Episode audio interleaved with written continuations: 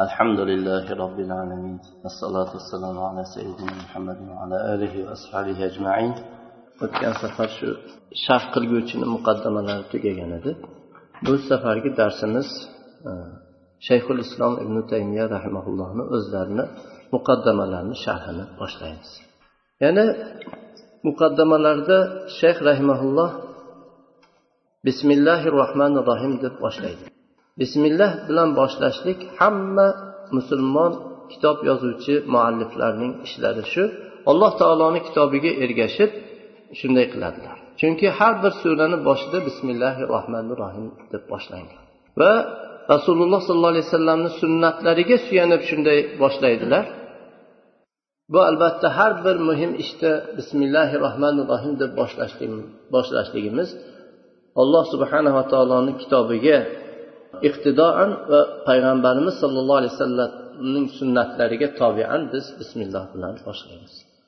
Endi bu erob tarkibni biladigan birodarlarga bismillohni tarkibi bismillohni ma'nosi haqida odamlar juda ko'p sharhlar yozilgan. Keyin buni bismi bo harfi jor ismi majrur uni mutaallaqi deydilar. Endi bu, bu haqda eng biz qisqa qilib yaxshi aytadigan so'zimiz bu bismillah o'zidan keyin keladigan shu o'ringa munosib bir mahzuf fe'lga bog'lanadi. Ya'ni bu e, bismillah bo'lsa ollohni nomi bilan degan so'z o'zi ma'nosi. Biz undan keyin bir fe'lni keyin taqdir qilamiz. Ollohni nomi bilan o'ringa munosib fe'lni ollohni nomi bilan ichaman shu ichmoqchi bo'lsa kiyim kiymoqchi bo'lsak ollohni nomi bilan kiyaman. Ko'chaga chiqmoqchi bo'lsak ollohni nomi bilan chiqaman. Ollohni nomi bilan bu kitobni o'qishni boshlayman. Yo ollohni nomi bilan yozishni boshlayman degan munosib fe'lni lekin bismillohdan keyin aytamiz buni. Chunki birinchi aytadigan so'zimiz bismilloh bo'lishligi kerak. Buni sababini ham pastda aytamiz. Masalan yeyish oldida bismillah desak ollohni nomi bilan yeyman. Bunda bismillahu akulu. O'qish vaqtida bismillahi aqrou va hokazo shu hozir aytganimiz. Demak biz bir fe'lni qiladigan ishimizni bu yerda taqdirda keltiramiz. Chunki amalda bu nahvdagi omil bo'lgan narsaning asli fe'l ismlar emas. Mutaallaq fe'lga bo'ladi ismga bo'lmaydi. Aslida ismga bo'lsa ismni fe'lni o'rniga amal qilishligi ular shartlar shartlar bilan bo'ladi. Ammo fe'lni amal qilishligi bevosita shartsiz ular amal qilaveradi shuning uchun bu asli fe'lga qilamiz. Keyin buni bu bismillohdan keyin keltiramiz deganimiz ikkita foydasi bor uni. Birinchisi bismillohdan keyin keltirsak ollohni nomi bilan boshlayman desak bunda arab qoidasida hasr degan cheklash degan bir qoida keladi. Ya'ni u keyin keladigan so'zni oldinga olsak bu balog'at ilmida shu haqqi taqir bo'lgan narsani oldinga olinsa hasrni ifodalaydi. Masalan iyyaka na'budu va iyyaka nastain degan so'zda yo olloh sengagina ibodat qilamiz sendangina madad so'raymiz. Bu asli nima? Nabuduka va nastainuka bo'lishligi kerak. Shu ka bo'lgan mafulni iyyaka deb oldinga olishimizda shunga cheklashlik bor. Ya'ni sengagina ibodat qilamiz sendan boshqaga ibodat qilmaymiz. Sendangina madad so'raymiz sendan boshqadan so'ramaymiz degan ma'no cheklash ma'nosi chiqadi shuning uchun bismillahi ollohni nomi bilan yeyman degan shu keyin oldinga olishligimizda ollohni nomi bilan yeyman ollohni nomi bilan ichaman boshqani nomi bilan emas degan cheklash bor bu ma'no. Bu bittasi bo'lsa ikkinchisi boshda shu boshlayman yeyman ichaman degan so'z bilan boshlamasdan ollohni nomi bilan boshlashlik ya'ni ollohni nomini oldin zikrda keltirishlikda bu bir yaxshilik ya'ni tabarruk qilishlik bor ulug' bo'lsin deb. Shu o'ringa xos fe'lni o'zi ba'zilar bu bismillah desa ollohni nomi bilan boshlayman desa hammasiga shu boshlayman so'z ketaveradi deydilar. Bu to'g'ri hammasiga olib ketaveradi. Lekin xos kelsa ondan ko'ra maqsadga yana ham yaqinroq dalolatliroq bo'ladi. Masalan allohni nomi bilan boshlayman desak kiyim kiyishni boshlash yozishni boshlash o'qishni boshlash yeyishni boshlash ichishni boshlashlikka hammasiga on bo'ladi. Lekin maqsadga yaqinrog'i xos bo'lgan so'zni aytishligimiz. Bu boshlayman degan narsada boshqa narsani ham tushunish mumkin. Bismillah desa u ichmoqchimi yo qaramoqchimi yo o'qimoqchimi? Ha bu om endi hammasiga ketib qoladi. Lekin xosda qasdni o'zi ko'rsatiladi bismillah ollohni nomi bilan o'qiyman desa bu ma'noga ondan ko'ra dalolatli. Olloh degan lafz bu olloh subhanava taoloni o'zini nomi bu. Bu olloh nomi bilan olloh robbil alamindan boshqasi nomlanmaydi. Bu robbimizga xos bo'lgan nomlardir. Ma'nosi bu al ilah ma'luh degan ma'noda bo'ladi. Ya'ni iloh degani nima muhabbat bilan ta'zim bilan ibodat qilinadiganni iloh deydi. Ma'luh deydi. Al ma'luh alif lom yana bu ulamolarni so'zlarini rojihiga qaraganda ishtiqoq qilingan so'z bo'ladi. Masalan alloh taoloni so'zi keladiki u zot osmonda ham ollohdir yerda ham ollohdir deganda bunda osmonda ham ollohdir yerda ham ollohdir deganni bu jor majrurni mutaallaqi ollohga bo'ladi. Chunki ollohni ma'nosi al ma'bud al ma'luh ma'nosida. Degan tarkib bilan bu istiqo qilingan so'z. Ar rohman ollohni ar rohman nomi bu keng rahmat egasi degani chunki shu rohman falon vaznida bo'lgan ismlar bu arab lug'atida kenglikka to'lib ketganlikka dalolat qiladi. Masalan bu bu bob faalona bo'lib aynga harakat tushib qolsa faala faalona bo'lib. Bu bir e, harakatli qimillab turgan narsani ifodalaydi.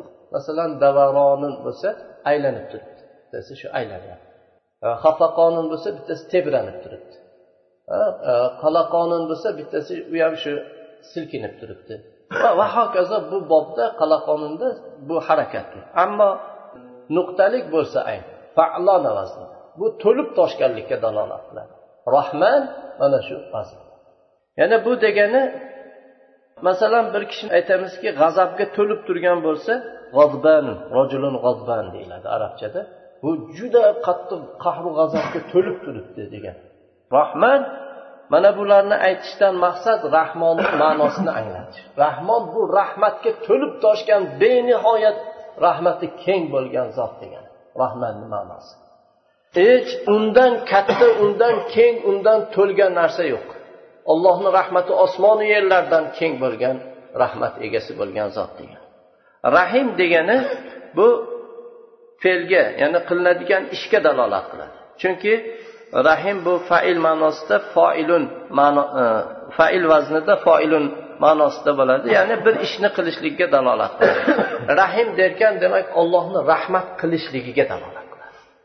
Rahimni bu yerda rahmat qilinadiganlari bor. Bandalar marhum mo'min bandalar. Albatta bu rahimdagi ollohni bu sifatidagi rahmati nihoyatda keng bu boshqa xalqlarga yetadigan rahmati bunga ba'zi shu bismillahi rohmanir rohimni ma'nosini aytayotganda ba'zilar ishora qiladilarki bu rohmon bu rahmati om degani rahim rahmati mo'minlargagina xos degani deydilar rahmat ollohni rahmati kofirga rahmat bo'lishligi bu dunyoni o'ziga o'zida xosdir. Dunyoda bo'ladi. Ya'ni ollohni rahmatidan u boy o'tadi dunyoda yeb ichib va hokazo shu dunyoni matolariga erishib o'tadi. Bu unga bo'lgan ollohni dunyoda xos unga. Endi ularga keyin hech rahmat yo'qligi. Chunki oxiratdagi rahmatni alloh taolo alloh taolodan ular ularni do'zaxdan chiqarishligini ollohga ollohdan so'rab iltijo qiladilar. Va o'rtada ollohni rububiyatini va o'zlariga o'zlarini xatolarini gunohlarini tan olganliklarini vasila qilib turib ollohdan so'raydilar. Aytadilarki robbana axrijna minha fa in udna fa inna zolimun deydilar.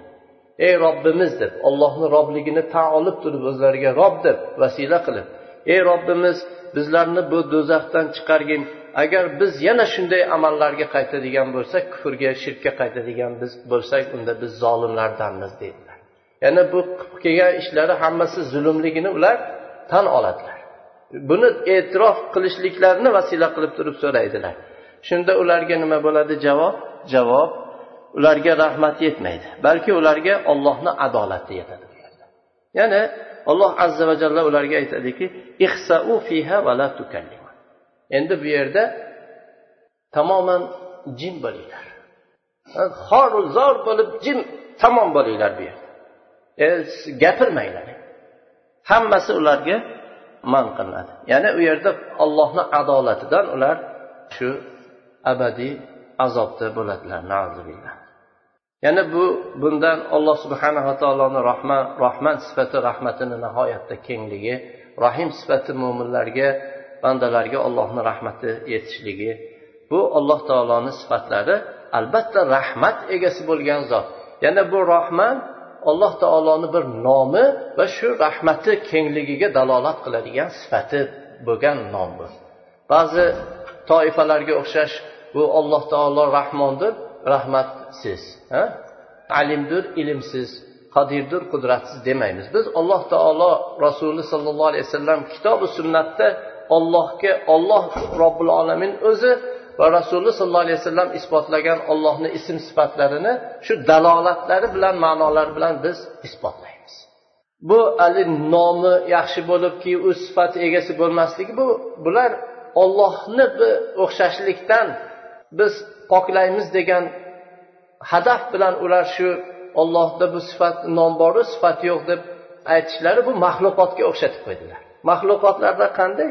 Yaxshilik nomlari bor lekin u sifatni nomni asl sifati yo'q. Masalan muhammad degan so'z. Rasululloh sollallohu alayhi vasallamni nomlari. Muhammad degan insonlar juda ko'p. Bu ma'nan maqtovga loyiq. Shunday ulug' bir payg'ambarga qo'yilgan nom bo'lsa bu muhammad maqtovga loyiq emas endi bu yerdagi. Qancha? Islom degan katta kofir boshilarni mana ko'rdingiz.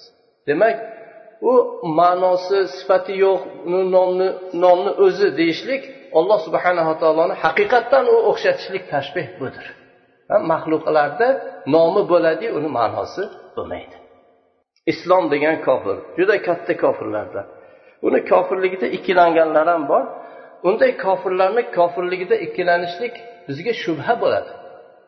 Yana ba'zi ulamolar kim kofirligi aniq ollohu rasulini so'zi bilan kofirligi aniq bo'lib turgan odamni kofirligida ikkilansa u o'zi kofir bo'ladi dedilar. Iymoni qolmaydi deydi masalan yahudlarni biz nima deymiz?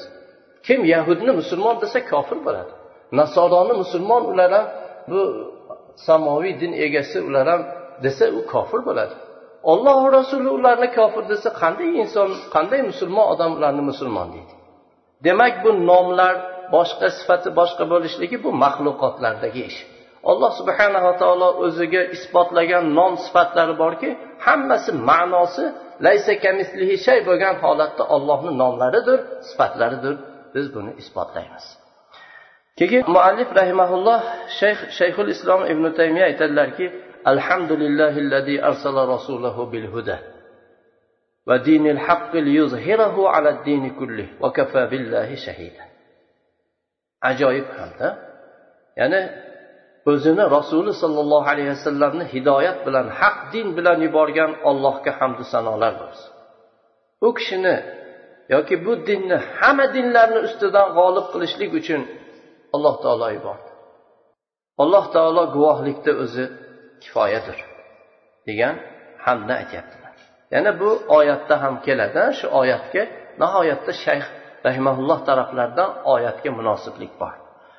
Bu so'zlari alhamdulillahillazi arsala rasulahu bil huda va dinil haq degan so'zlari alloh taolo o'zini kamoloti komil zotligiga hech nuqsoni aybidan pok bo'lganligiga allohga hamd aytiladi. Ollohni bu kamolotiga allohga hamd aytiladi. Va ollohni bizlarga bergan ne'matlariga alloh taologa hamd aytiladi. Biz alloh taologa hamd aytamiz chunki sifatlari hamma jihatdan komildir. Yana alloh taologa hamd aytamiz chunki alloh taolo in'omi ehsoni komil zotdir. Bizga nihoyatda ko'p ne'matni olloh hamma bizdagi yaxshilik ne'mat borki hammasi olloh subhanava taolo tarafidandir ollohni ne'matlarini butun dunyo ahli hammasi hamma o'zlarini bu yangi hisob vasilalari bilan hisoblasalar allohni ne'matini sanab hech kim uni oxiriga yeta olmaydigan ne'mat egasidir. Bu ne'matlarga alloh taologa hamd aytamiz. Va alloh taoloni butun o'zini sifatlarida ismlaridagi kamolotiga allohga hamd aytamiz. Deb keyin mana alloh taolo qur'onda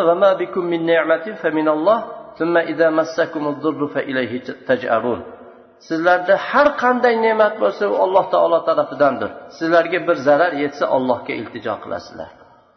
Alloh taoloni ne'matlarini ichida olloh butun xalqqa inom qilgan ne'matlarini eng kattasi nima? Alloh subhanava taolo xalqni hidoyat qilish uchun payg'ambar yuborishligidir shuning uchun muallif rahimaulloh hamday aytar ekanlar ham ne'matga aytiladi dediga shu hamd aytishni davomida aytyaptilarki arsala rasulahu bil huda va dinil haq. Haq din bilan hidoyat bilan e, o'zini payg'ambarini yuborgan ollohga hamd bo'lsin ya'ni buncha katta ne'matki buni tengi yo'q bunga bunga barobar bo'ladigan ne'mat bo'lmagan. Eng katta robbimizni ne'matlaridan bittasi shu haq din bilan hidoyat bilan o'zini rasulini yuborganligidir. Bu yerda rasuldan maqsad rasuldan maqsad rasululloh sollallohu alayhi vasallamni o'zlari emas rasul jinsi.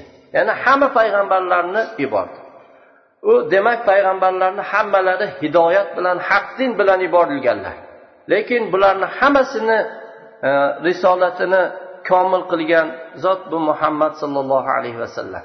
Alloh taolo rasululloh sollallohu alayhi vasallam bilan anbiyolarni hammalarini tamomladi. U kishi bilan nabiylar payg'ambarlar tugadi. Oxirgi payg'ambar. Nabiy sallallohu alayhi vasallam o'zlarini payg'ambarlarga boshqa payg'ambarlarga nisbatan tamsil qilib aytdilarki bir kishi bir katta chiroyli qasrni qurib bitirgan odamlar unga qarab bu qasrdan ajablanadi. Juda komil hamma yog'i chiroyli hech kami yo'q qasr faqat bitta g'isht qolgan qo'ymagan. U g'ishtni shu g'isht kam bo'lib turibdi. Keyin odamlar keladilar bu qasrdan ajablanadilar. Lekin bu bitta g'isht qolibdida shu bitta g'isht yetmaydi. Deb shuni tafsil qilib turib men bu risolatda shu oxirgi g'isht menman oxirgi shuni komil qiladigan oxirgi g'isht men nabiylarni oxirgisiman dedilar. Allohni saloti salomi bo'lsin. Mana shunday tashbeh bilan o'zlarini oxirgi payg'ambar ekanliklarini bayon qildilar. Bilhuda degan so'zlari bu yerdagi bo boy musohaba birgalikni ifodalaydigan bo hidoyat bu foydali ilmdir. Bu mutaaddi bo'lishi ham mumkin. Yana bu yerda yuborilgan narsa u hidoyat haq din bo'lib qoladi. Haq din degani bu solih amal. Chunki din degani bu amal qilishlik yoki amalga jazoni din deyiladi bir lug'at. Din? Din degani amal yoki amalga jazo. Hisob ya'ni. Bu masalan amal deb dinni amal deb nom qo'yishligimiz alloh taoloni mana bu so'zida din ollohni huzurida islomdir. Ya'ni islom degani butun alloh taoloni buyruqlariga rasululloh sollallohu alayhi vasallamni buyruqlariga bu islomga tamoman taslim bo'lib buni bajarishlik amal. Yoki uni jazoga qo'yadigan bo'lsak alloh taoloni so'zi din kuni bu hisob kitob kuni bu amallarni hisoblaydigan kun nimaligini siz bilmaysiz deganda keyin yana bu din degandan mana shu ikkita ma'noni tushunar ekanmiz. Keyin u kishini bu xutbalarni davomida ya'ni bilhuda va dinil haq dedilar. Haq bu botilni ziddi. Ya'ni haq degani butun yaxshiliklarni keltiradigan fasodlarni hukmlarda xabarlarda fasodlarni ketkazadigan haq foydani keltiradigan narsa haq bo'ladi. Buni o'zini kitobida alloh taolo bu muallifni so'zlari bu yerdagi lom lomi talil sababini bildiradigan. Ya'ni ma'no shunday bo'ladiki hu zamir yana zuhur g'olib qilishlik oliy qilishlik. Masalan arabchada zahru dobba deyiladi hayvonlarni zahri desa uni usti usti zahri deyiladi tepasi. Yoki zahrul arz ala zahril arz deyiladi. Yerni sathi shu yer yuzasi degan yerni usti. Buni alloh taolo qur'onda ham mana bayon qiladi.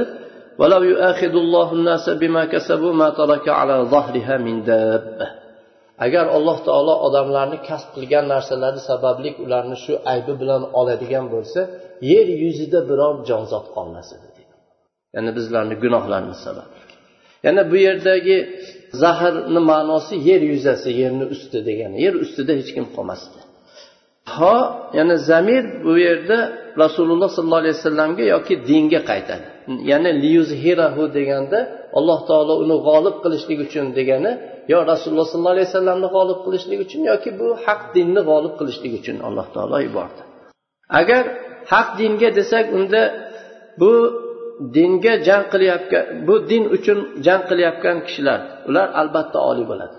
U haq din uchun mujodala qilayotganlar ular oliy bo'ladilar alloh taolo ala dini kulli deganlar chunki alloh taolo liyuzhirahu deyapti. Bu dinni alloh taolo boshqa dinlarni dinlarni ustiga boshqa dinlarni hammasini ustiga alloh taolo g'olib qiladi. Endi dini bo'lmaganlargachi dinlarni ustiga g'olib qilsa din bo'lmaganlarga erta kunda g'olib bo'ladi.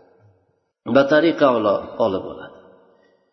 Chunki hech dini bo'lmagan odam dini bo'lgandan ko'ra ya'ni botil din bilan din, dinlangandan ko'ra hech dinsiz bo'lgan odam yana ham habisroq palidroq iflosroq.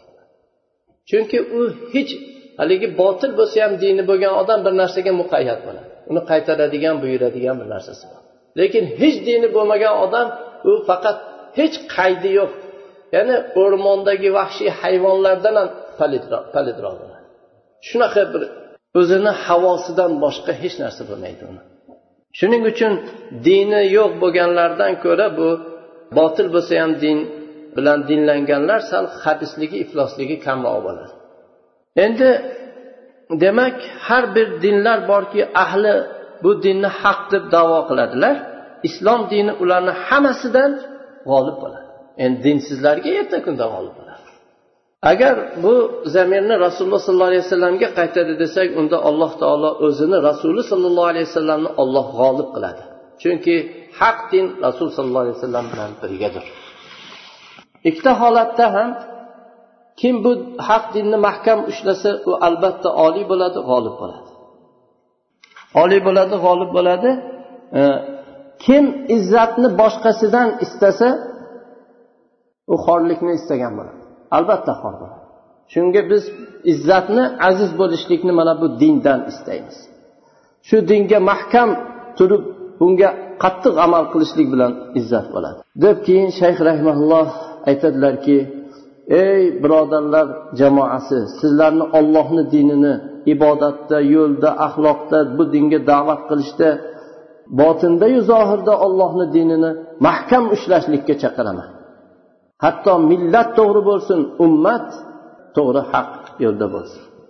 Keyin muallif rahimaullohni vakafa billahi shahida degan so'zlari lug'at ahli aytadilarki bu yerdagi vakafa billahidagi bo zoida bo deydilar lafzni chiroyli qilib alloh taoloni kifoya qilishligini nihoyatda mubolag'a bilan aytishlik aslik va kafallohu bo'lishligi kerak deydilar.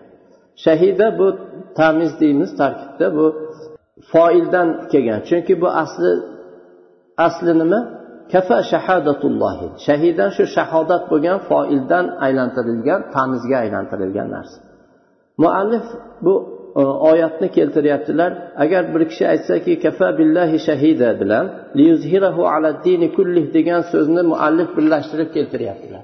Buni o'rtada qanday bir biriga munosabati bor desa buni munosabati zohir deyiladi. Chunki nabiy sollallohu alayhi vasallam odamlarni da'vat qilib keldilar. Odamlarga kim menga itoat qilsa jannatga kiradi kim menga osiy bo'lsa jahannamga kiradi deb keldilar nauzubillah. Va holatlari shu shundayki kim menga itoat qilsa men u bilan sulh qilaman kelishamiz. Shu jannat ahli. Kim menga osiy bo'lsa men unga jang qilaman. Odamlarga mana shu din bilan rasululloh sollallohu alayhi vasallam jang qildilar. Va qonlarini halol sanadilar mollarini ayollarni zurriyotlarini halol sanadilar. Bunda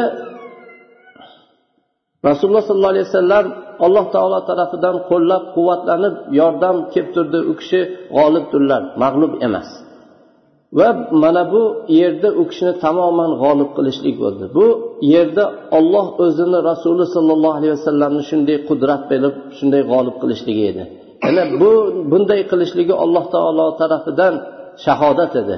Ya'ni shunga asosan albatta muhammad sallallohu alayhi vasallam sodiqdirlar va u kishining dinlari haq dindir. Kimki alloh taologa yolg'ondan iftiro qilsa bo'xton to'qisa uning oqibati tamom ollohdan uzilishlik yo'q bo'lishlik va zavolga ketishlik bo'ladi. Masalan nubuvvatni davo qilganlarga qarang ularga nima bo'ldi?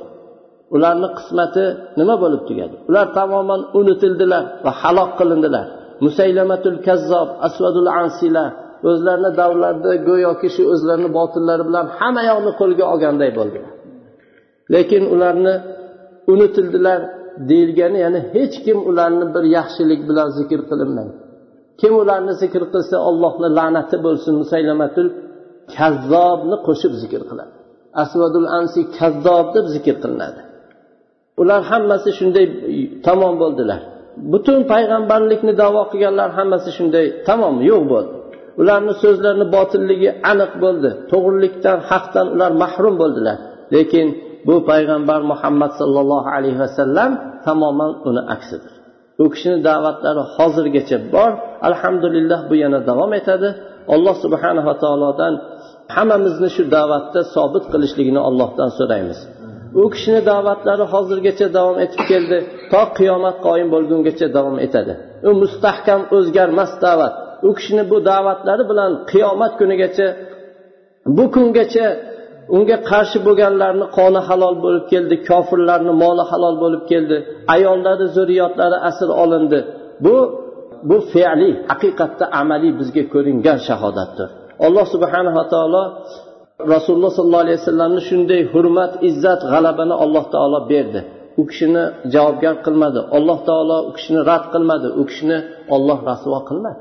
balki aziz qildi shuning uchun bu so'zdan keyin ala dini kullih deb kelishligi shunday munosib bo'ladi munosabati shu ya'ni butun dinlarni hammasiga alloh taolo u kishini g'olib qilishlik uchun alloh taolo shunday qilib yubordi سبحانك اللهم وبحمدك أشهد أن لا إله إلا أنت أستغفرك وأتوب إليك bu xotirjam bo'lsinlar bu dinga qarshi bo'layotgan ho bilib ho bilmasdan jaholati bilan qarshi bo'layotgan hech qachon ular g'olib bo'lmaydilar. Ularga hech qanday izzat bo'lmaydi. Izzat bu haqiqiy alloh taolo yo'liga bu payg'ambar sallallohu alayhi vasallamni yo'llariga yurishlikda bunga da'vat qilishda shu yo'lda bo'lishlikka shu yo'lda bo'lganlarga bo'ladi izzat. Alloh taolo buni qur'onda o'zi bayon qildi. Alloh subhanava taolo shunday zotlardan qilsin. Butun zohirdayu botinda bu dinni mahkam ushlab rasul sollallohu alayhi vasallamni yo'llaridan ergashib borib hadafimiz maqsadimiz faqat olloh bo'lgan zotlardan qilsin alloh subhanava taolo سبحانك اللهم بحمدك أشهد أن لا إله إلا أنت أستغفرك وأتوب إليك والسلام عليكم